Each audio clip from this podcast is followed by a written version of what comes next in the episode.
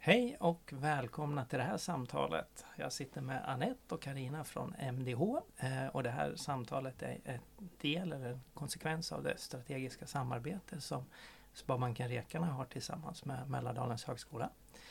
Eh, vi kommer att prata mycket om framtiden och det är ju ett ämne som intresserar oss alla tre väldigt, väldigt mycket. Och eh, de här samtalen som vi har haft genom åren har, har varit otroligt värdefulla och insiktsfulla. Så det är något jag verkligen har haft, eh, jag tycker jag haft en förmån att få ha dem. Och nu ska vi också dela med oss av de här tankarna kring, kring det här.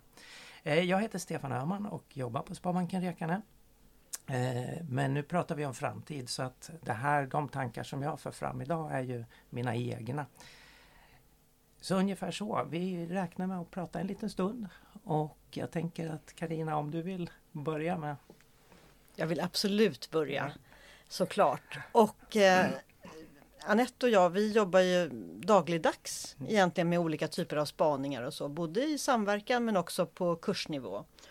Och här är ju den övergripande frågan. Och vad händer inom bank och finans? Och jag vill fråga dig Stefan det för att vi lever ju i en tid där man inte längre kan uh, satsa på gardering mm. utan man måste omfamna osäkerhet i mycket större omfattning än tidigare. Och det kanske inte är bank och finans bästa gren att omfamna osäkerhet, tänker jag med mm. mina fördomar. Så Stefan, vad tycker du är de viktigaste trenderna som påverkar bank och finans just nu? Det är ju två. Det är, de här två är ju genomgripande för många branscher nu och det handlar ju om digitalisering och hållbarhet. Och digitaliseringen har ju hållit på ett tag och, och vi börjar se eh, ganska stora effekter av det. Men vi väntar ändå på en, eh, en vad ska vi kalla det, tipping point. Men, men eh, sen det som kommer nu och, och, som kommer med stormsteg är ju hållbarhetsdelen som också kommer att driva utveckling eh, på ett sätt som, som, precis som du säger, den här osäkerheten. Eh, och den bottnar ju i eh, alltså klimatet. Kommer vi att göra tillräckligt? Ja, då kommer vi att få se lagar och regler som ändrar förutsättningarna för företag och därmed finansieringen av företag. Eller kommer vi inte att göra tillräckligt? Ja men då kommer vi att se helt andra konsekvenser vad det gäller försäkringsskador och, och, och fysiska skador och så vidare. Så, så att eh, absolut, jag håller definitivt med dig. Omfamna osäkerheten och hur ska man hantera det då i, i, i den här regelstyrda verksamheten. Och Det här är väldigt spännande för det är en av de framtidstrenderna som jag tycker hela tiden man stöter på. Det är ju å ena sidan ökad reglering för mm. att uppnå mål å andra sidan avreglering mm. för att uppnå mål. Ja. Så gärna en kommentar från er båda faktiskt kring det, för det tycker jag är spännande. Avreglering eh, tycker jag man har sett väldigt lite av hittills. Eh, men jag, som jag har tittat lite på EU-nivå då, vad man försöker att, att göra och, och, med just forsknings och innovationsmedel finansierade med skattemedel. Och där försöker man ju styra genom att eh, bara göra det möjligt för projekt som bidrar till hållbarhet. Men man vill ju få ihop finans och offentlig sektor som är väldigt regelstyrda om, av en rad olika mm. grader, från lagar till förordningar till policies. Mm.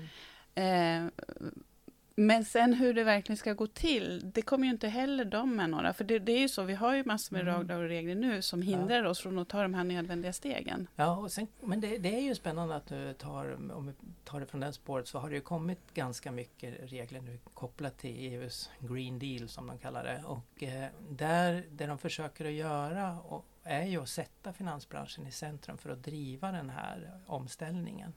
Eh, och, och, då kommer det en massa regelverk. Eh, bland annat det här som kallas för taxonomin. och det är ju, syftet med den är ju att tala om vad som är hållbart eller inte. Och eh, det som är hållbart ska ju då få lättare att få finansiering. Så att, eh, men men det, jag har försökt att läsa i den här taxonomin och det, det är ju eh, det kan vara så att komplexiteten i den här gör att, att det blir svårt att få genomslag. Men, men jag, om jag får gissa så tror jag att eh, vi kommer att se en ökad reglering. Eh, och ett ökat, eh, i alla fall ur ett miljöperspektiv, klimatperspektiv, så kommer vi att behöva antagligen mäta mer. Eh, kommer inte att kunna eh, bara säga att vi är si eller så utan vi kommer nog behöva visa med siffror. Eh, men men eh, ja, med det sagt så mer reglering och sen försöka att förstå konsekvenserna av den här regleringen. Den, eh, ja, den är spännande. Och då blir en annan sån här trend då, som jag vill lyfta fram är spårbarhet. Mm. Och eh, vi vet ju redan idag hur svårt det är för företagen att säga att de agerar på ett visst eller ett mm. annat sätt med tanke på hur, hur, komplexa samarbeten de har och beroende av underleverantörer över hela jorden och så vidare. Så riskerar vi att få en greenwashing 2.0? Eh, ja, det finns alltså oj, spännande fråga. Eh, spårbarhet är en, en eh, central del i det här. Och det är tillgång till data. Mm. Och, och, hela den här tillgången till data är ju uppbyggd med en annan logik än att hålla koll på hållbarhetsmöjligheter och risker. Eh, och det där gör ju att ja, men det är jätte, jättesvårt och, och, och, eller det är i alla fall inte helt busenkelt att få fram eh, om vi tittar på en banks kreditstock, vilken klimatpåverkan har den? Ehm, så det, pågår jättemycket projekt kring att ta fram eh, hjälp för att, eh, eller verktyg för att hjälpa till med det här med att så. Ehm, men eh, sen var du inne på det här med spårbarhet. Ja, men, men jag tror, om jag tolkar dig rätt, så tänker jag ändå att det som blir viktigt, som jag sa tidigare, det är att kunna visa med siffror att ja, men så här ser det ut i, i, i koldioxidavtryck eller växthusgasavtryck. Och då blir det ju spännande också att tänka, vem kommer att äga datan? Ja, den är ju äh, jättespännande äh, och det är ju den lilla frågan. Ja, den pytte, pyttelilla ja, frågan. Ja. Äh, ja. Det var ett projekt som börjar bli lite till åren nu, som fast verkar fortfarande aktuellt. Det är ju Visst var det Irene Eng i mm. Storbritannien som var med och startade upp. Hon är tjänsteforskare bland annat. Mm. Eh, som eh, handlar om, den heter Hub of All Things. Det var, bygger på att jag som person äger min egen data. Eh, som jag kan välja att dela eller sälja mm. som jag vill. Mm. Inte att, att, att jag har den här appen och den mm. äger min data mm. till någon Uh, finns det sådana, har du sett spår på att det där börjar hända eller är det fortfarande något eh, oadresserat? Ja, ja, det där utifrån all lagstiftning återigen, GDPR och så vidare, så, så visst förekommer det frågor, men jag tänker att de flesta som jag pratar med reflekterar inte så mycket över den datan de ger ifrån sig och vilken handelsvara data har blivit. Eh, så att, eh, men i takt med nya generationer så, så kanske den frågan väcks mer. Men, men det som verkar är att vi människor strävar efter enkelhet och smidighet. Eh, så, så, att får vi bara något tillbaka för den här datan vi lämnar ifrån oss så verkar det som att vi är beredda att göra det i ganska stor omfattning. Och så är det vansinnigt jobbigt att läsa igenom eh, alla disclaimers. Ja, ja, ja precis. Så det, men, men, det är otäckt också, alltså så här, hur mycket data finns det om människor på vissa företag? Det finns ju mängder. Jag lyssnar på en poddserie som heter Myter och mysterier och ett avsnitt tar de upp ett specifikt företag eh, som finns på nätet. som har liksom som affärsidé att samla all data de kan om mänskligt beteende och mänskliga aktiviteter. Så att det, det individen egentligen inte intressant för dem, utan det är på den aggregerade nivån. Mm. Eh, men det är ju ändå individers ja. data som används för att bygga den där aggregerade nivån. Jag tänker en bank, måste ju, eller inom finans överhuvudtaget, måste det också finnas massor med sådana spår man lämnar. Ja. Och kan man välja att inte lämna dem? Ja, det där, är ju, det där blir ju en spännande fråga. Eh, Alltså, behöver man kunna spåra betalningar? Ja, det gör man. Eh, eh, och då, då, blir det ju data av det. Sen beror det på hur den ska hanteras. Eh, och, och det, det är, men i grunden, finansiell data måste på ett eller annat sätt få, alltså det funkar inte om, om jag får välja om, om, om du ska se mina betalningar, inte för ett banksystem. utan Det tror jag kommer att bli så att vi kommer inte att kunna välja där. Men kommer du, kan, har du, finns det något tecken på att det uppstår parallella, förutom inom kriminella världar, då, parallella system där man faktiskt kan göra det utan att bli spårad? Eh, nej, ja, det, det beror lite på. Nu är vi ju inne på den här eh, krypto och, och, och, den delen. Eh, det finns ju, eh, ja, eh, så att det, den spåret finns ju. Att man väljer att gå utanför det, det, det vad ska vi kalla det, den vanliga vägen. Eh, men, eh, jag vet inte om det är med avsikt att inte vara... Jo, i vissa fall, då vi pratar om kriminella, där är ju avsikten att inte vara spårbar. Men jag tror att det finns många andra skäl till att man väljer kryptospåret. Jag tycker det är intressant att tänka sig olika nivåer också. Mm. För å ena sidan har vi policynivån som vi har touchat lite vid nu. Reglering eller inte reglering. Och sen är det hela företagsnivån eller den institutionella organisationerna och hur vi ska på något vis värdera och mäta initiativ och innovationer och, och verksamheter i framtiden. Och sen är det ju mikronivån, eh, individen. Och kopplat till data är det jättespännande. Om jag köper hem något så betalar jag via en app och sen så får jag i mitt kvitto så ser jag också hur mycket jag har belastat eh, Moder Jord med. När blir det eh, data som gör mig till en bättre eller sämre kund? Ja, den, eh, eh där håller vi ju på att börja. Alltså man kan se på den här frågan från lite olika håll. För det, det är ju om eh, hållbarhetsspåret kring det här. Eh, där börjar ju vissa företag nu inom finanssektorn eh, förstå att nej men det här kan nog vi vill ha kunder som är hållbara för det kommer inte att funka med andra. Så bara för några veckor sedan läste jag om det finska försäkringsbolaget Sampo, tror jag de heter, som sa, sagt åt tio av sina större kunder att om inte ni steppar upp ert hållbarhetsarbete så kommer inte vi vilja ha er som försäkringskunder. Tufft. Eh, så att där, där, tror jag bara är början. Jag, det, man skulle ju kunna tro att det är ett one-off eh, så, men, men jag tror att det är en signal som man absolut eh, ska följa. Eh, så att det, sen med det sagt, ja, hur, hur kommer det att komma ner till mig som konsument? Jag tror att eh, det börjar eh, komma verktyg där man kan faktiskt mäta sin kol, koldioxidavtryck med, med, hjälp av sitt konsumtionsmönster inbyggt i eh, vissa finansiella tjänster. Så att, eh, Sen att den får den konsekvensen som du pekar på, äh, det vet jag inte när, om den får det och i sådana fall när. Mm, och för, och får jag bara där, för hållbarhet är ju två dimensioner till. Det är ekonomi och sen är det ju sam, hållbara samhällen. Mm. Så den saknas ju hittills då. Men den, och det är ju det som är liksom utmaningen med hållbar utveckling, att vi måste försöka gå framåt i alla målen, mm. inte bara miljömålen. Mm. Eh, har, finns, finns det något tecken på att det här börjar dyka fram, förutom Fairtrade, men den verkar ju inte vara involverad den har, den har inte specifik... riktigt överlevt Nej. hållbarhetstrenden Nej. nästan. Nej, precis. Och det är ju intressant för att det, det man, för, man måste ju jobba i alla dimensioner, mm. för annars blir det ju inte hållbart. Nej. Eh, det, det, de diskussioner jag hör så är ju en del börjar säga nej men fasen, vi klarar inte att köra alla dimensioner på en gång utan vi visar ledarskap genom att jobba med klimatfrågan först. Eh, Medan andra då har den, den, eh, eh den, eh, tanken som du pratade om att man måste jobba i alla.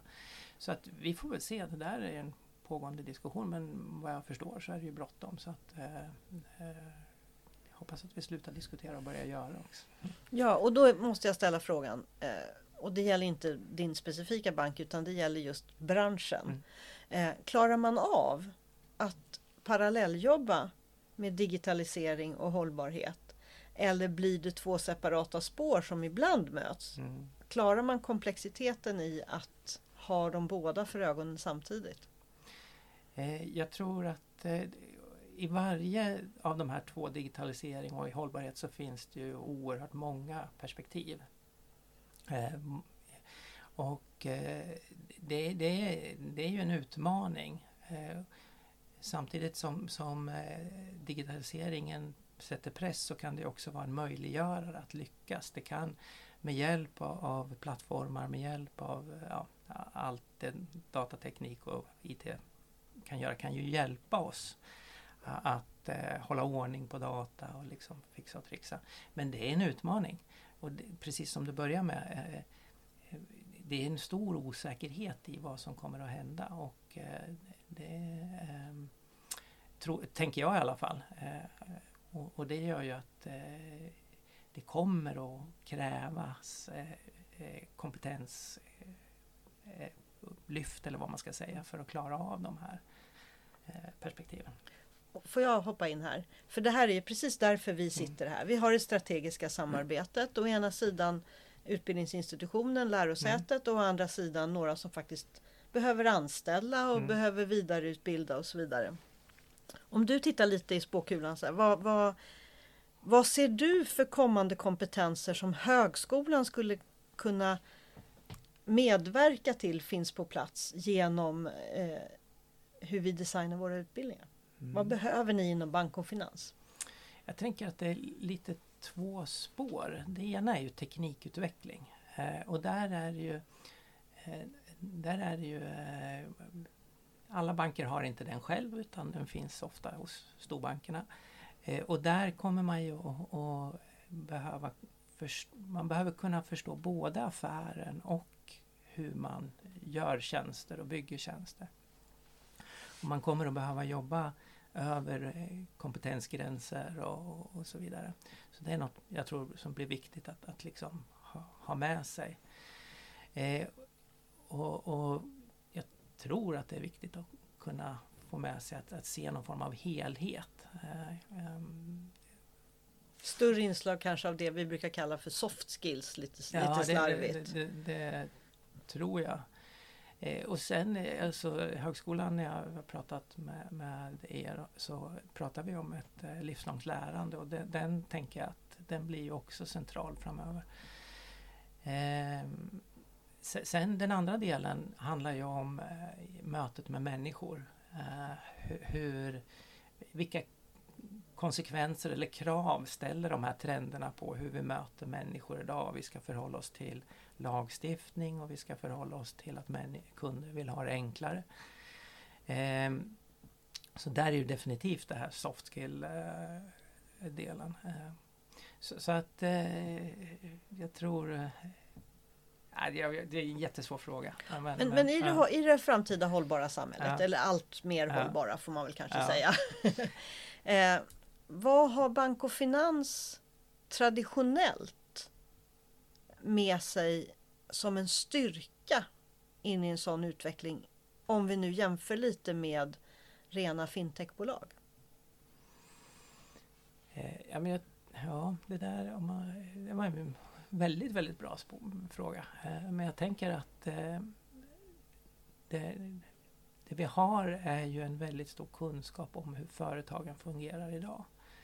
Eh, och om vi ser ur ett företagsperspektiv så tänker jag att våra företagskunder, eh, att vi känner dem ganska bra. Eh, och relationen, relationen och vi förstår affären.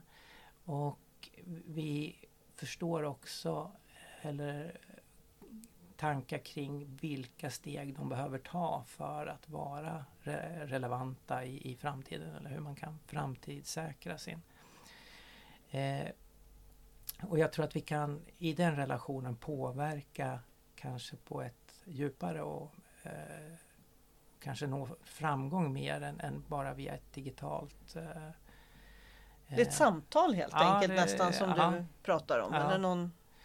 Eh, absolut. Så det, den, den tror jag är en, en styrka att eh, den här kontakten med att vi, om vi eh, via finansiering som är ändå ett stor drivkraft kan få företag att, att agera om, om vi, om vi vänder på steken mm. då? Vad måste bank och finans sluta göra?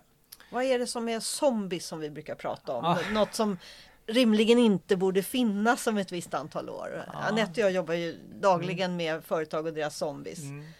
Eh. ja men den, den, första, den enkla som vi har pratat om förut, det är ju kort. Eh, bankkort kommer sannolikt att eh, har, har spelat ut sin roll utan vi kommer att betala på andra sätt. Vi kommer ha betalningarna i klockan och telefonen och, och, och det här payless payment som man pratar om, det vill säga att ja, men du märker inte ens när du betalar. Du kliver ur Uber-bilen och så är det klart. Eller eh, de här eh, eh utcheckningarna som eh, Amazon-butikerna har. att Det är bara att plocka på dig det du vill ha och gå ut. Eh, så att eh, eh, mycket inom betala eh, traditionella inom betala delen kommer antagligen att vara zombies. Men, men... Hur är det med bankdagar? ja, vad är en bankdag? Som ju andra branscher ja. har anammat för att få mina räntepengar. ja, ja nej, jag, jag vet faktiskt inte. Mm. Så, nej men jag vet inte, det, sen finns det om man tittar på vad behöver vi sluta med? Ja, men det, det som eh, Ja, det är en svår fråga men, men eh, det kommer ju att påverka eh, hur vi lånar ut pengar. Eh, om, om, man, det kommer, om vi säger att vi lyckas med den här omställningen då kommer vi antagligen ha en cirkulär ekonomi. Den logiken är annorlunda än den som linjära eller raka ekonomin som vi pratar om idag. Och det här har ju uppmärksammats av eh, centralbanker världen över. Hur sjutton ska vi hålla koll på det här? Så de har gått ihop ett litet nätverk och börjat fundera på men vad får det för konsekvenser för ekonomin. Då? Och det får ju också effekter på vad vi gör och vad vi inte gör framöver. Eh, och, och, den cirkulära ekonomin leder ju till kanske att vi hyr mer, och lånar mer och delar mer. Eh, det kommer ju att påverka hur vi finansierar det. Eh, det kanske blir viktigare att kunna leasing och, och kontraktskrivande. Än... Vad räknas som en tillgång i framtiden? Ja precis. Eh, och, och, där kommer det väl, alltså digitala tillgångar, hur, hur, det kommer vi behöva lära oss mer om, tänker jag.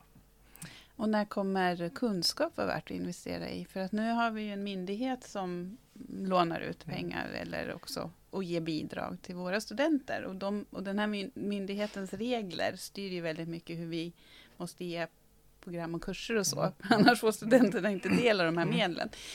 Eh, och, och än så länge är det ju väldigt fördelaktigt att ta de här via den här myndigheten. Mm. Men alltså kunskap och livslångt lärande, det börjar ju låta som det kan finnas investerings... Ja, ja.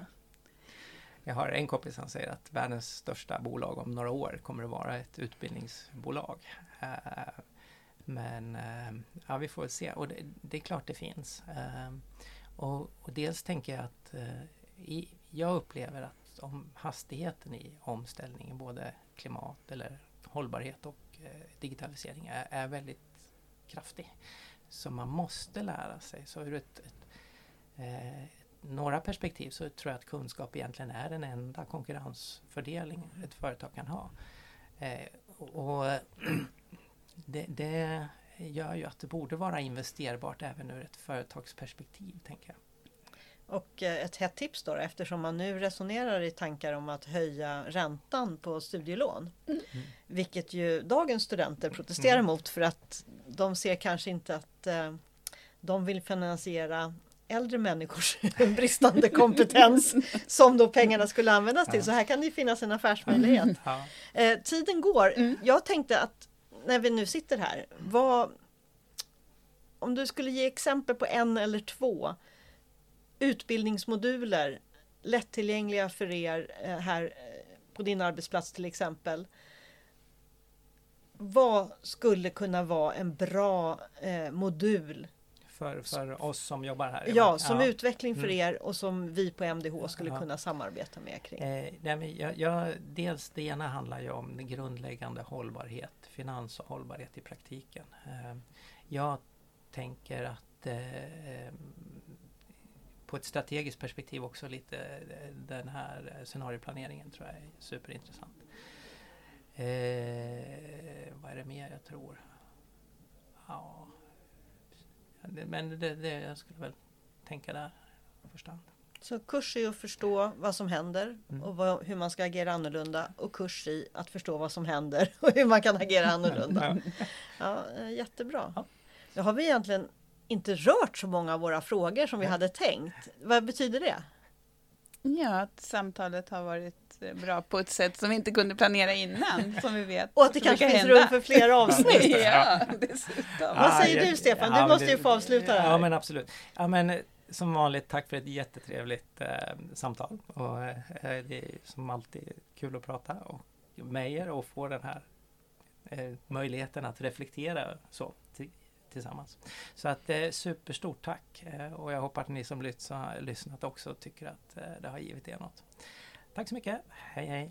Tack från oss också. Mm, tack, hej.